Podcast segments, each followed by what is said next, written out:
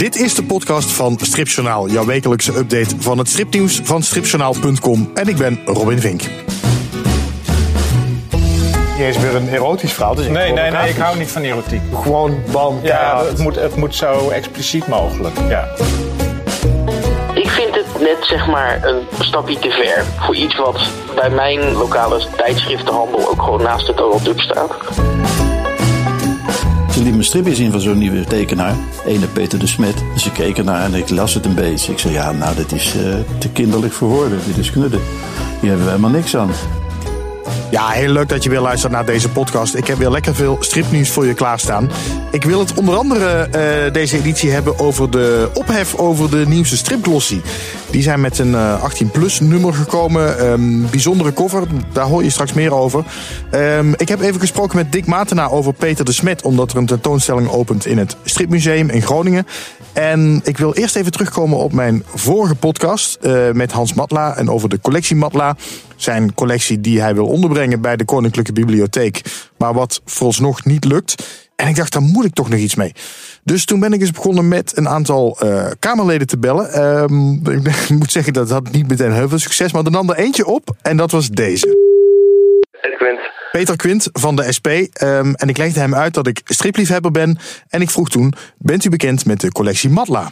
Nee, ik ben echt een, een, een, stripboeken newbie, zeg maar. Dat is. Daar heb ik, eh, weet ik heel weinig van. Nou, toen heb ik hem het hele verhaal uitgelegd. En toen reageerde hij zo. En dat eh, klinkt buitensporig logisch als je het zo zegt. Ja. Nou ja, de, eh, want ik zat ook te denken, 1,8 miljoen, dat is best een smak geld. Maar eigenlijk voor een overheid helemaal niet zo heel veel.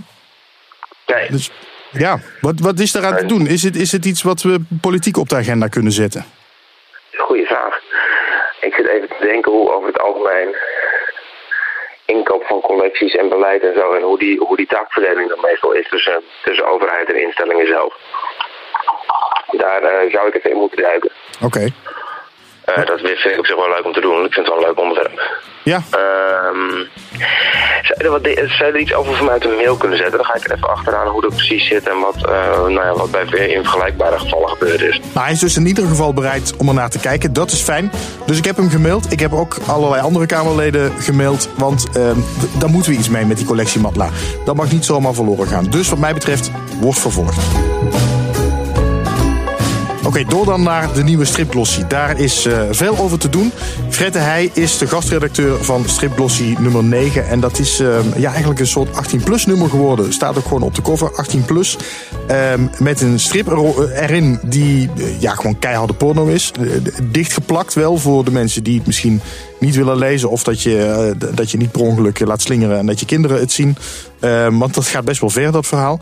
Ehm, op de cover, daar was vooral een hoop over te doen. Een vrouw in lingerie, getekend dus door Fred de Heij. Ehm, en als je je hand op die cover legt, dan verdwijnt die lingerie. En dan zit ze dus ineens helemaal naakt. Nou, is dit nou een leuke gimmick of is het heel erg vrouwonvriendelijk? Ehm dat leek mij wel eens tijd om daarvoor, om te beginnen, even bij Fred de Heij langs te gaan. Fred de Heij, leg eens uit. De glossie, de stripglossie. Er is een hoop te doen over die cover. Ja, dat, dat, dat schijnt, maar dat gaat verder buiten mij om. Dat, eh, ik, heb, ik heb gemaakt wat ik leuk vind. Dat is altijd wat ik probeer. Ja.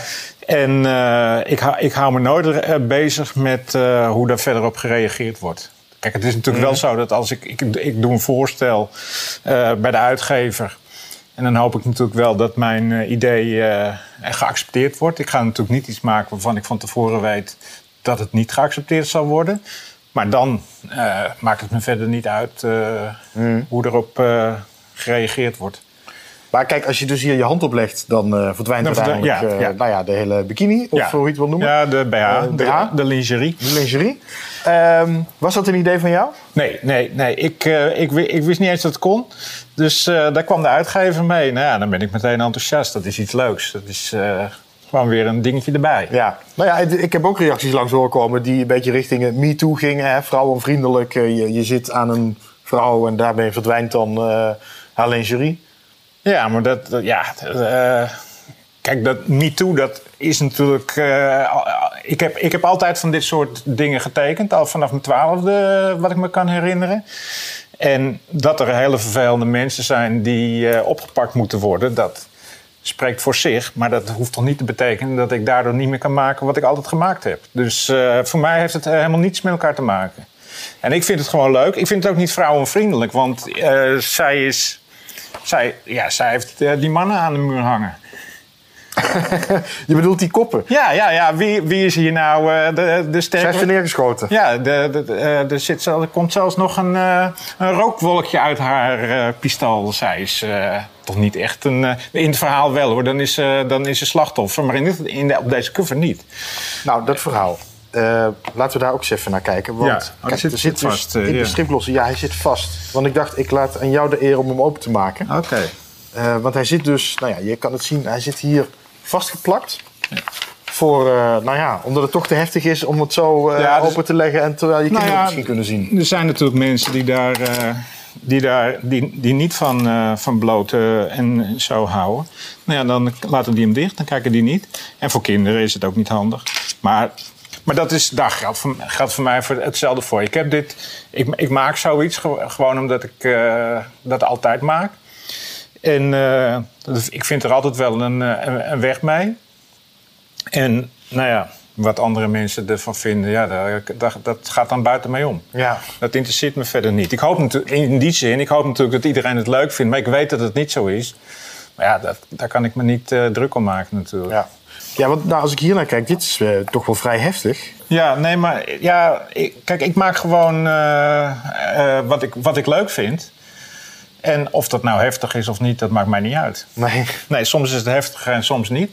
En eh, kijk, ik werk, ik werk ook voor bladen zoals eh, eh, voor de EPO bijvoorbeeld. Nou, dan weet je gewoon dat bepaalde dingen kunnen daar niet in. Dat vind ik niet erg, want ja, dan moet je niet voor zo'n blad willen werken. En of dit in de, in de glossy komt, dat wist ik ook niet. Dus ik heb gewoon dit naar de uitgever gestuurd. Van, nou, ik heb een verhaal van zes pagina's. Dat had ik toen in zwart-wit. En eh, als je het wil plaatsen in de glossy, dan kan ik het inkleuren. En anders niet, dan zoeken we er wel weer een andere plek voor. Ja. En toen zei de, zei En de toen zeiden ze, ja, nou, we dat duurde eventjes. En na een tijdje had hij daar een oplossing voor gevonden met het plakkertje. En eh, eh, nou ja, goed, hij wilde het graag plaatsen. Dus ik vond dat eh, ja, ruimdenkend. Maar eh, eh. Ja, maar dit is niet eens meer een erotisch verhaal. Het is nee, nee, nee, ik hou niet van erotiek. Nee, Nee? Daar, daar heb ik niks mee. Nee. Gewoon bam, Ja, het moet, het moet zo expliciet mogelijk. Ja. En nee, erotiek zoals eh Manara of zo, weet je wel, dat het, dat het, mooi, dat het nog mooi is.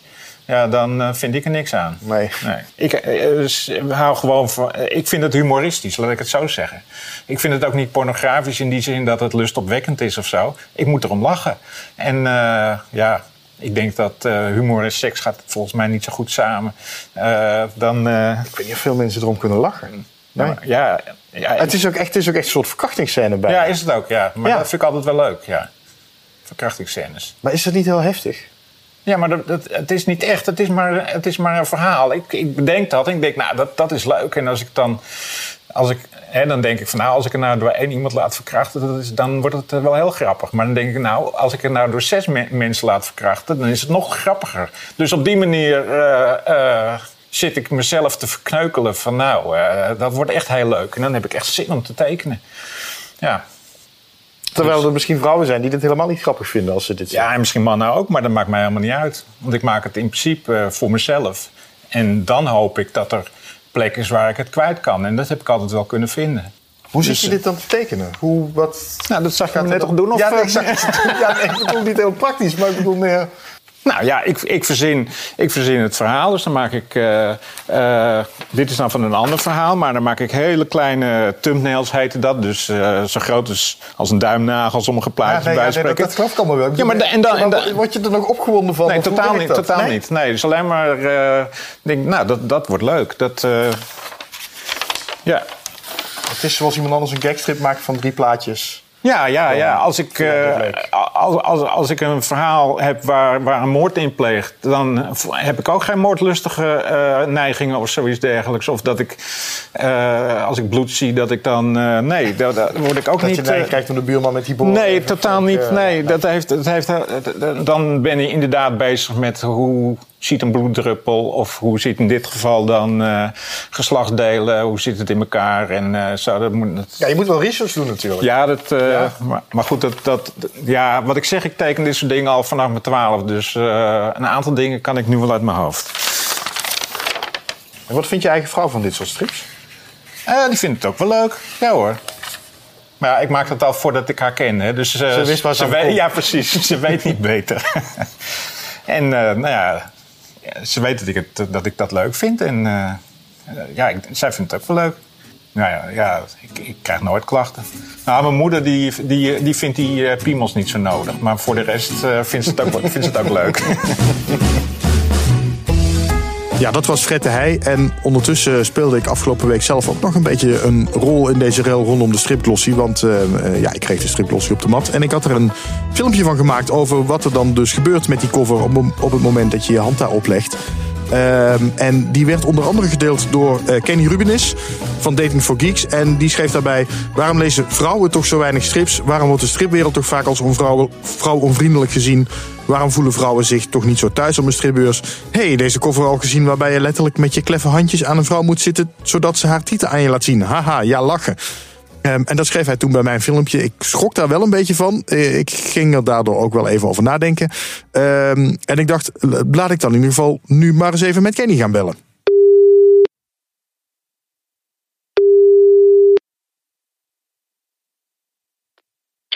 Hallo Kenny. Dag Kenny met Robin Vink van Stripjournaal. Hi. Hey, hallo. Kan ik je even storen? Sure. Ja, ik bel je even. Ik zit uh, in een studiootje even op te nemen. Ik bel je even over de stripglossie. Um, ja, want jij deelde mijn filmpje afgelopen week. Want jij was volgens mij en niet zo blij met de, die cover van de stripglossie en niet met dat filmpje. En tegelijkertijd dacht oh, ik. Nou, dat, dat, dat, filmpje vond ik niet zo'n probleem hoor, dat niet. Maar ik bedoel, ja, dat soort filmpjes, ja. ja ik bedoel, dat soort covers, ja. Dat ja, oké. Okay. Nou, ik, de, tegelijkertijd dacht ik, je snijdt ook wel een interessante discussie aan. Um, want, uh, nou, dus ik vroeg me gewoon af, uh, aangezien jij dit zo aanzwengelde, waarom vond jij die cover niks? Ja, ik, ik vind. Ja, hoe, hoe zeg ik dat nou zo snel het makkelijkst? Omdat het zo'n zo'n rare kwestie is. Uh, waarom vind ik die cover niks? Ja, ik, ik, vind, ik vind het net zeg maar een stapje te ver voor iets wat bij mijn, uh, hoe heet het, uh, lokale tijdschriftenhandel ook gewoon naast de Donald Duck staat. Mm-hmm. Um, en het heeft iets. Um, ja, ik, ik, ik vind het iets naars hebben. Weet je, dat je met je handen over iets heen moet wrijven zodat je borsten kan zien. En ik zie van ja, moet dat nou? Vrouwenvriendelijk. Ja. En dat, ik bedoel, dat, dat heb ik ook van, van meerdere, uh, niet, niet direct via dat Facebookbericht, maar via privéberichtjes en zo, van meerdere vrouwelijke stripmakers gehoord. Die dan zoiets hebben, ja goed dat je daar wat over zegt. En dat een man is die daar wat over zegt. Want als vrouwen daar wat over zeggen, dan uh, wordt er gelijk weer gezegd, oh jullie moeten niet zo zeuren. Ja, ja. wat toch wel regelmatig voorkomt. Ja, het is, ik, ik bedoel, ik heb natuurlijk al eerder een keer een... Uh, toen met die hele MeToo-discussie ook een uh, Facebook-post gewijd aan uh, de, de ja, vrouwonvriendelijkheid binnen de traditionele stripwereld vooral. En ja, dit, dit paste daar in mijn ogen een beetje bij. Ja. Toen had je het volgens mij over mensen die dan uh, bij je komen en dan vragen of je een van je eigen vrouwelijke stripfiguren een beetje pikant kan tekenen. Nou, ik, ook, maar ik bedoel, het, het, is niet eens zozeer dat ze dat bij mij komen vragen. Het is, uh, want ik bedoel, ik kan dat dan nog wel hebben, ook al vind ik het ook niet leuk om te doen. Maar ze doen het, zeg maar, hetzelfde bij vrouwelijke stripmakers. Ook vrouwelijke stripmakers die autobiografisch werk tekenen. Die dan bijvoorbeeld, ik bedoel, ik, ik heb naast uh, ME gezeten die snippers zat te signeren. En dan heeft ze één stripje in het boek staan. Waar ze dan een grapje maakt over onder de douche staan. En dan zeggen mensen, ja, kun je dan, uh, kun je dan een tekeningetje maken van, uh, van dat stripje dat je onder de douche stond? En dat, dat soort dingen, ik bedoel, ME zit zelf in die strip. Ja. En dan is het heel raar om aan een persoon te vragen: wil je jezelf alsjeblieft naakt tekenen? Ja, dat snap ik helemaal, ja. Dat, dat, vind ik, dat vind ik heel raar. Kijk, als mensen dat aan mij vragen op zo'n. Het gebeurt regelmatig dat ze tegen mij zeggen: kun je jezelf als Disney-prinses tekenen? Of, nou ja, er was ik iemand die vroeg mij sexy op een berenvel. En dat vind ik geen probleem, omdat daar een bepaalde grap achter zit. Maar op het moment dat iemand het een beetje fluisterend aan een vrouw gaat vragen van kun je, kun je een sexy tekening van een vrouw maken, vind ik het wat ja, pervers hebben. Ja. Maar ik ben misschien heel braaf opgevoed. Nou, ik zie deze, deze cover van de stripglossie tegelijkertijd ook wel een beetje als een, als een leuke gimmick, moet ik eerlijk zeggen. Nou, ik bedoel, de gimmick is het feit dat er, dat er iets verdwijnt. Maar je had die gimmick ook met iets anders kunnen doen. Ja, maar als op het moment dat, er een, ehm, dat je dat doet met een, eh, een auto die ineens verdwijnt uit het decor en dan zit daar een fiets achter, ik noem maar even wat. Ja, dat is toch, dat is toch weer anders. Het, het zit, de, de grap zit misschien ook toch in het erotische element dat hierachter zit. Uh, ja, snap ik. Maar ik, ik vind het persoonlijk heel jammer dat de stripglossie... Ik, kijk, aan de ene kant... eh, Het is eigenlijk natuurlijk gewoon bespottelijk dat de, de stripglossie een 18-plus special maakt. Want er zijn geen mensen onder de 40 die de stripglossie lezen. Dat hoef je er helemaal niet op te zetten, want dat gebeurt gewoon niet. Dat, ik bedoel, daar, daar richt het blad zich niet op. En uh, ja, dan, dan hoef je in principe ook zoiets te doen. Het, het is bij mij... Het is ja, niet de Donald Duck. Nee, het is niet de Donald Duck. Het is niet een blad voor alle leeftijden verder. Dat, uh, omdat uh, ja, niet alle leeftijden het interessant vinden. Ja.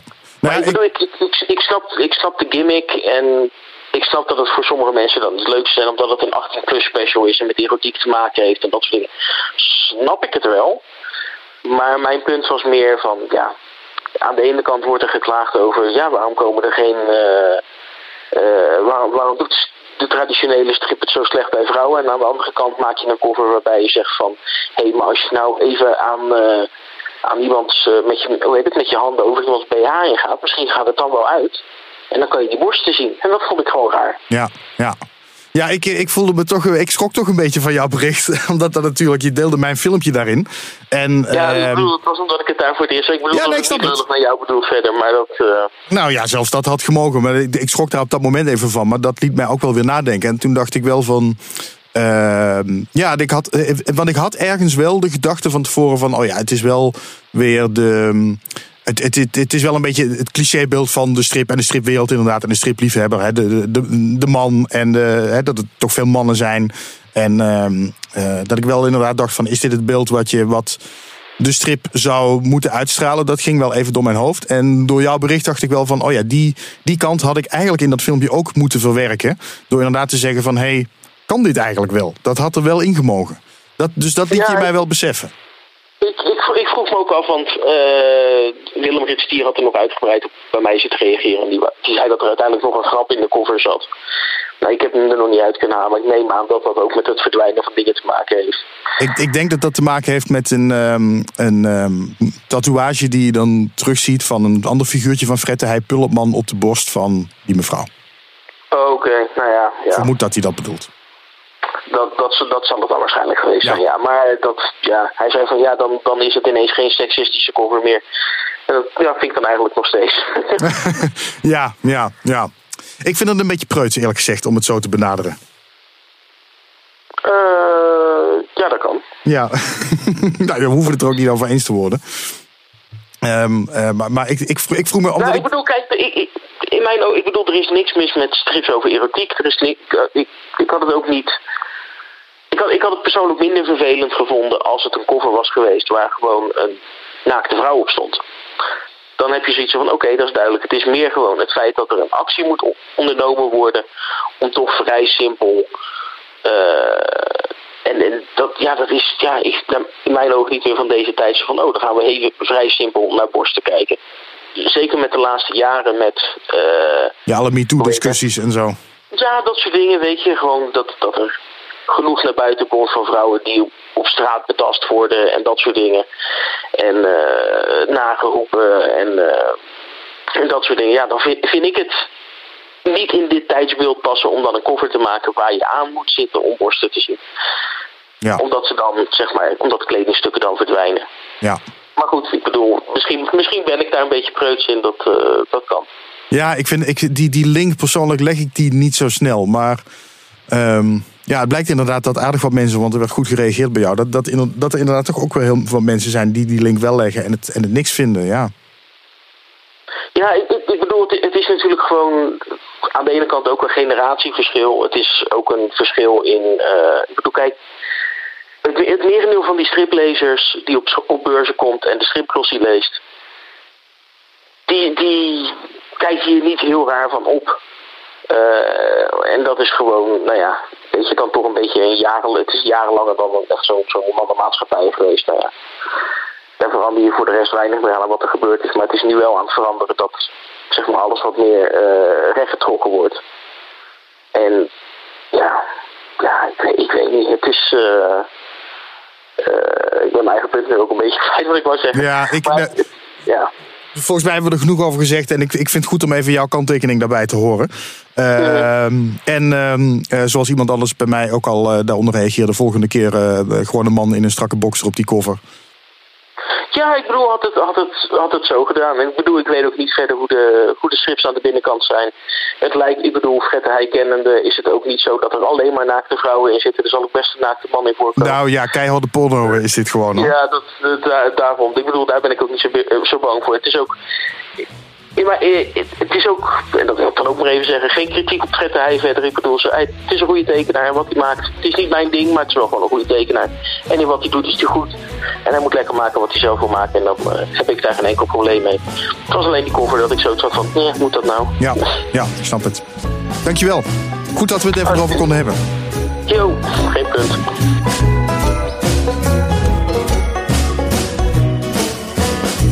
Dat was de hele stripglossierel. Door naar het Stripmuseum in Groningen. Daar opent zondag 24 juni een tentoonstelling over Peter de Smet. De tekenaar van De Generaal. Um, en afgelopen week ging ik langs bij Dick Matenaar, die goed bevriend was met Peter de Smet. Om met hem een quoteje op te nemen voor bij de opening van die tentoonstelling. Um, en dat had ik eigenlijk niet zo gepland, maar het was ik vond het best een leuk gesprek. En daarom dacht ik, ik neem het gewoon mee in deze podcast. Het klinkt een beetje anders dan een normaal podcastgesprek. Omdat ik eigenlijk aan het vissen was naar wat quotejes voor een uh, filmpje. Maar uh, ik dacht, nou, ik laat het je gewoon even horen. Want hij zei toch wel hele mooie, bijzondere dingen. Peter was een van de uh, beste en meest succesvolle striptekenaars van mijn generatie. En van zijn generatie dan natuurlijk. En dat heeft toch een jaar of 20, 25 geduurd. Toen is hij veel te jong overleden. Uh, dus het zou nog wat doorgegaan hebben kunnen zijn. Maar de, het tempo waarin hij bijna vergeten is.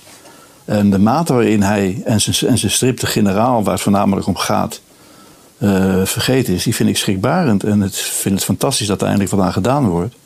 Dat dat werk weer in de openbaarheid komt, dat Peter weer publiciteit krijgt, want dat verdient hij. Ja, je was goed bevriend met hem, hè? Ik was goed bevriend met hem. Ik was vanaf de het begin uh, dat hij voor Pep ging werken. Want ik zat er toen net iets langer, een jaar of twee langer. En uh, op een gegeven moment liet de hoofdredactrice waar goed mee op kon dronken iedere week wel een borrel ergens in Amsterdam. Liet ze het strip zien van, die was een hele nieuwe strip, stripstal, een Hollandse stripstal aan het opbouwen. En het was in de tijd dat de strip heel populair aan het worden was, ook in Nederland, de stripboom als het ware. Dus er kwamen veel nieuwe tekenaars. En uh, ze liet me stripje zien van zo'n nieuwe tip, uh, tekenaar. Ene Peter de Smet. en daar keek ik naar en ik keek wat ik ervan vond. Dus ik keek ernaar en ik las het een beetje. Ik zei, ja, nou, dit is uh, te kinderlijk voor woorden. Dit is knudden. Hier hebben we helemaal niks aan. Ga je dat echt publiceren? ja, wat dacht je dan? zei ze. Ik vind het hartstikke leuk. En als ik het leuk vind, dan vinden wel duizenden, mensen het leuk.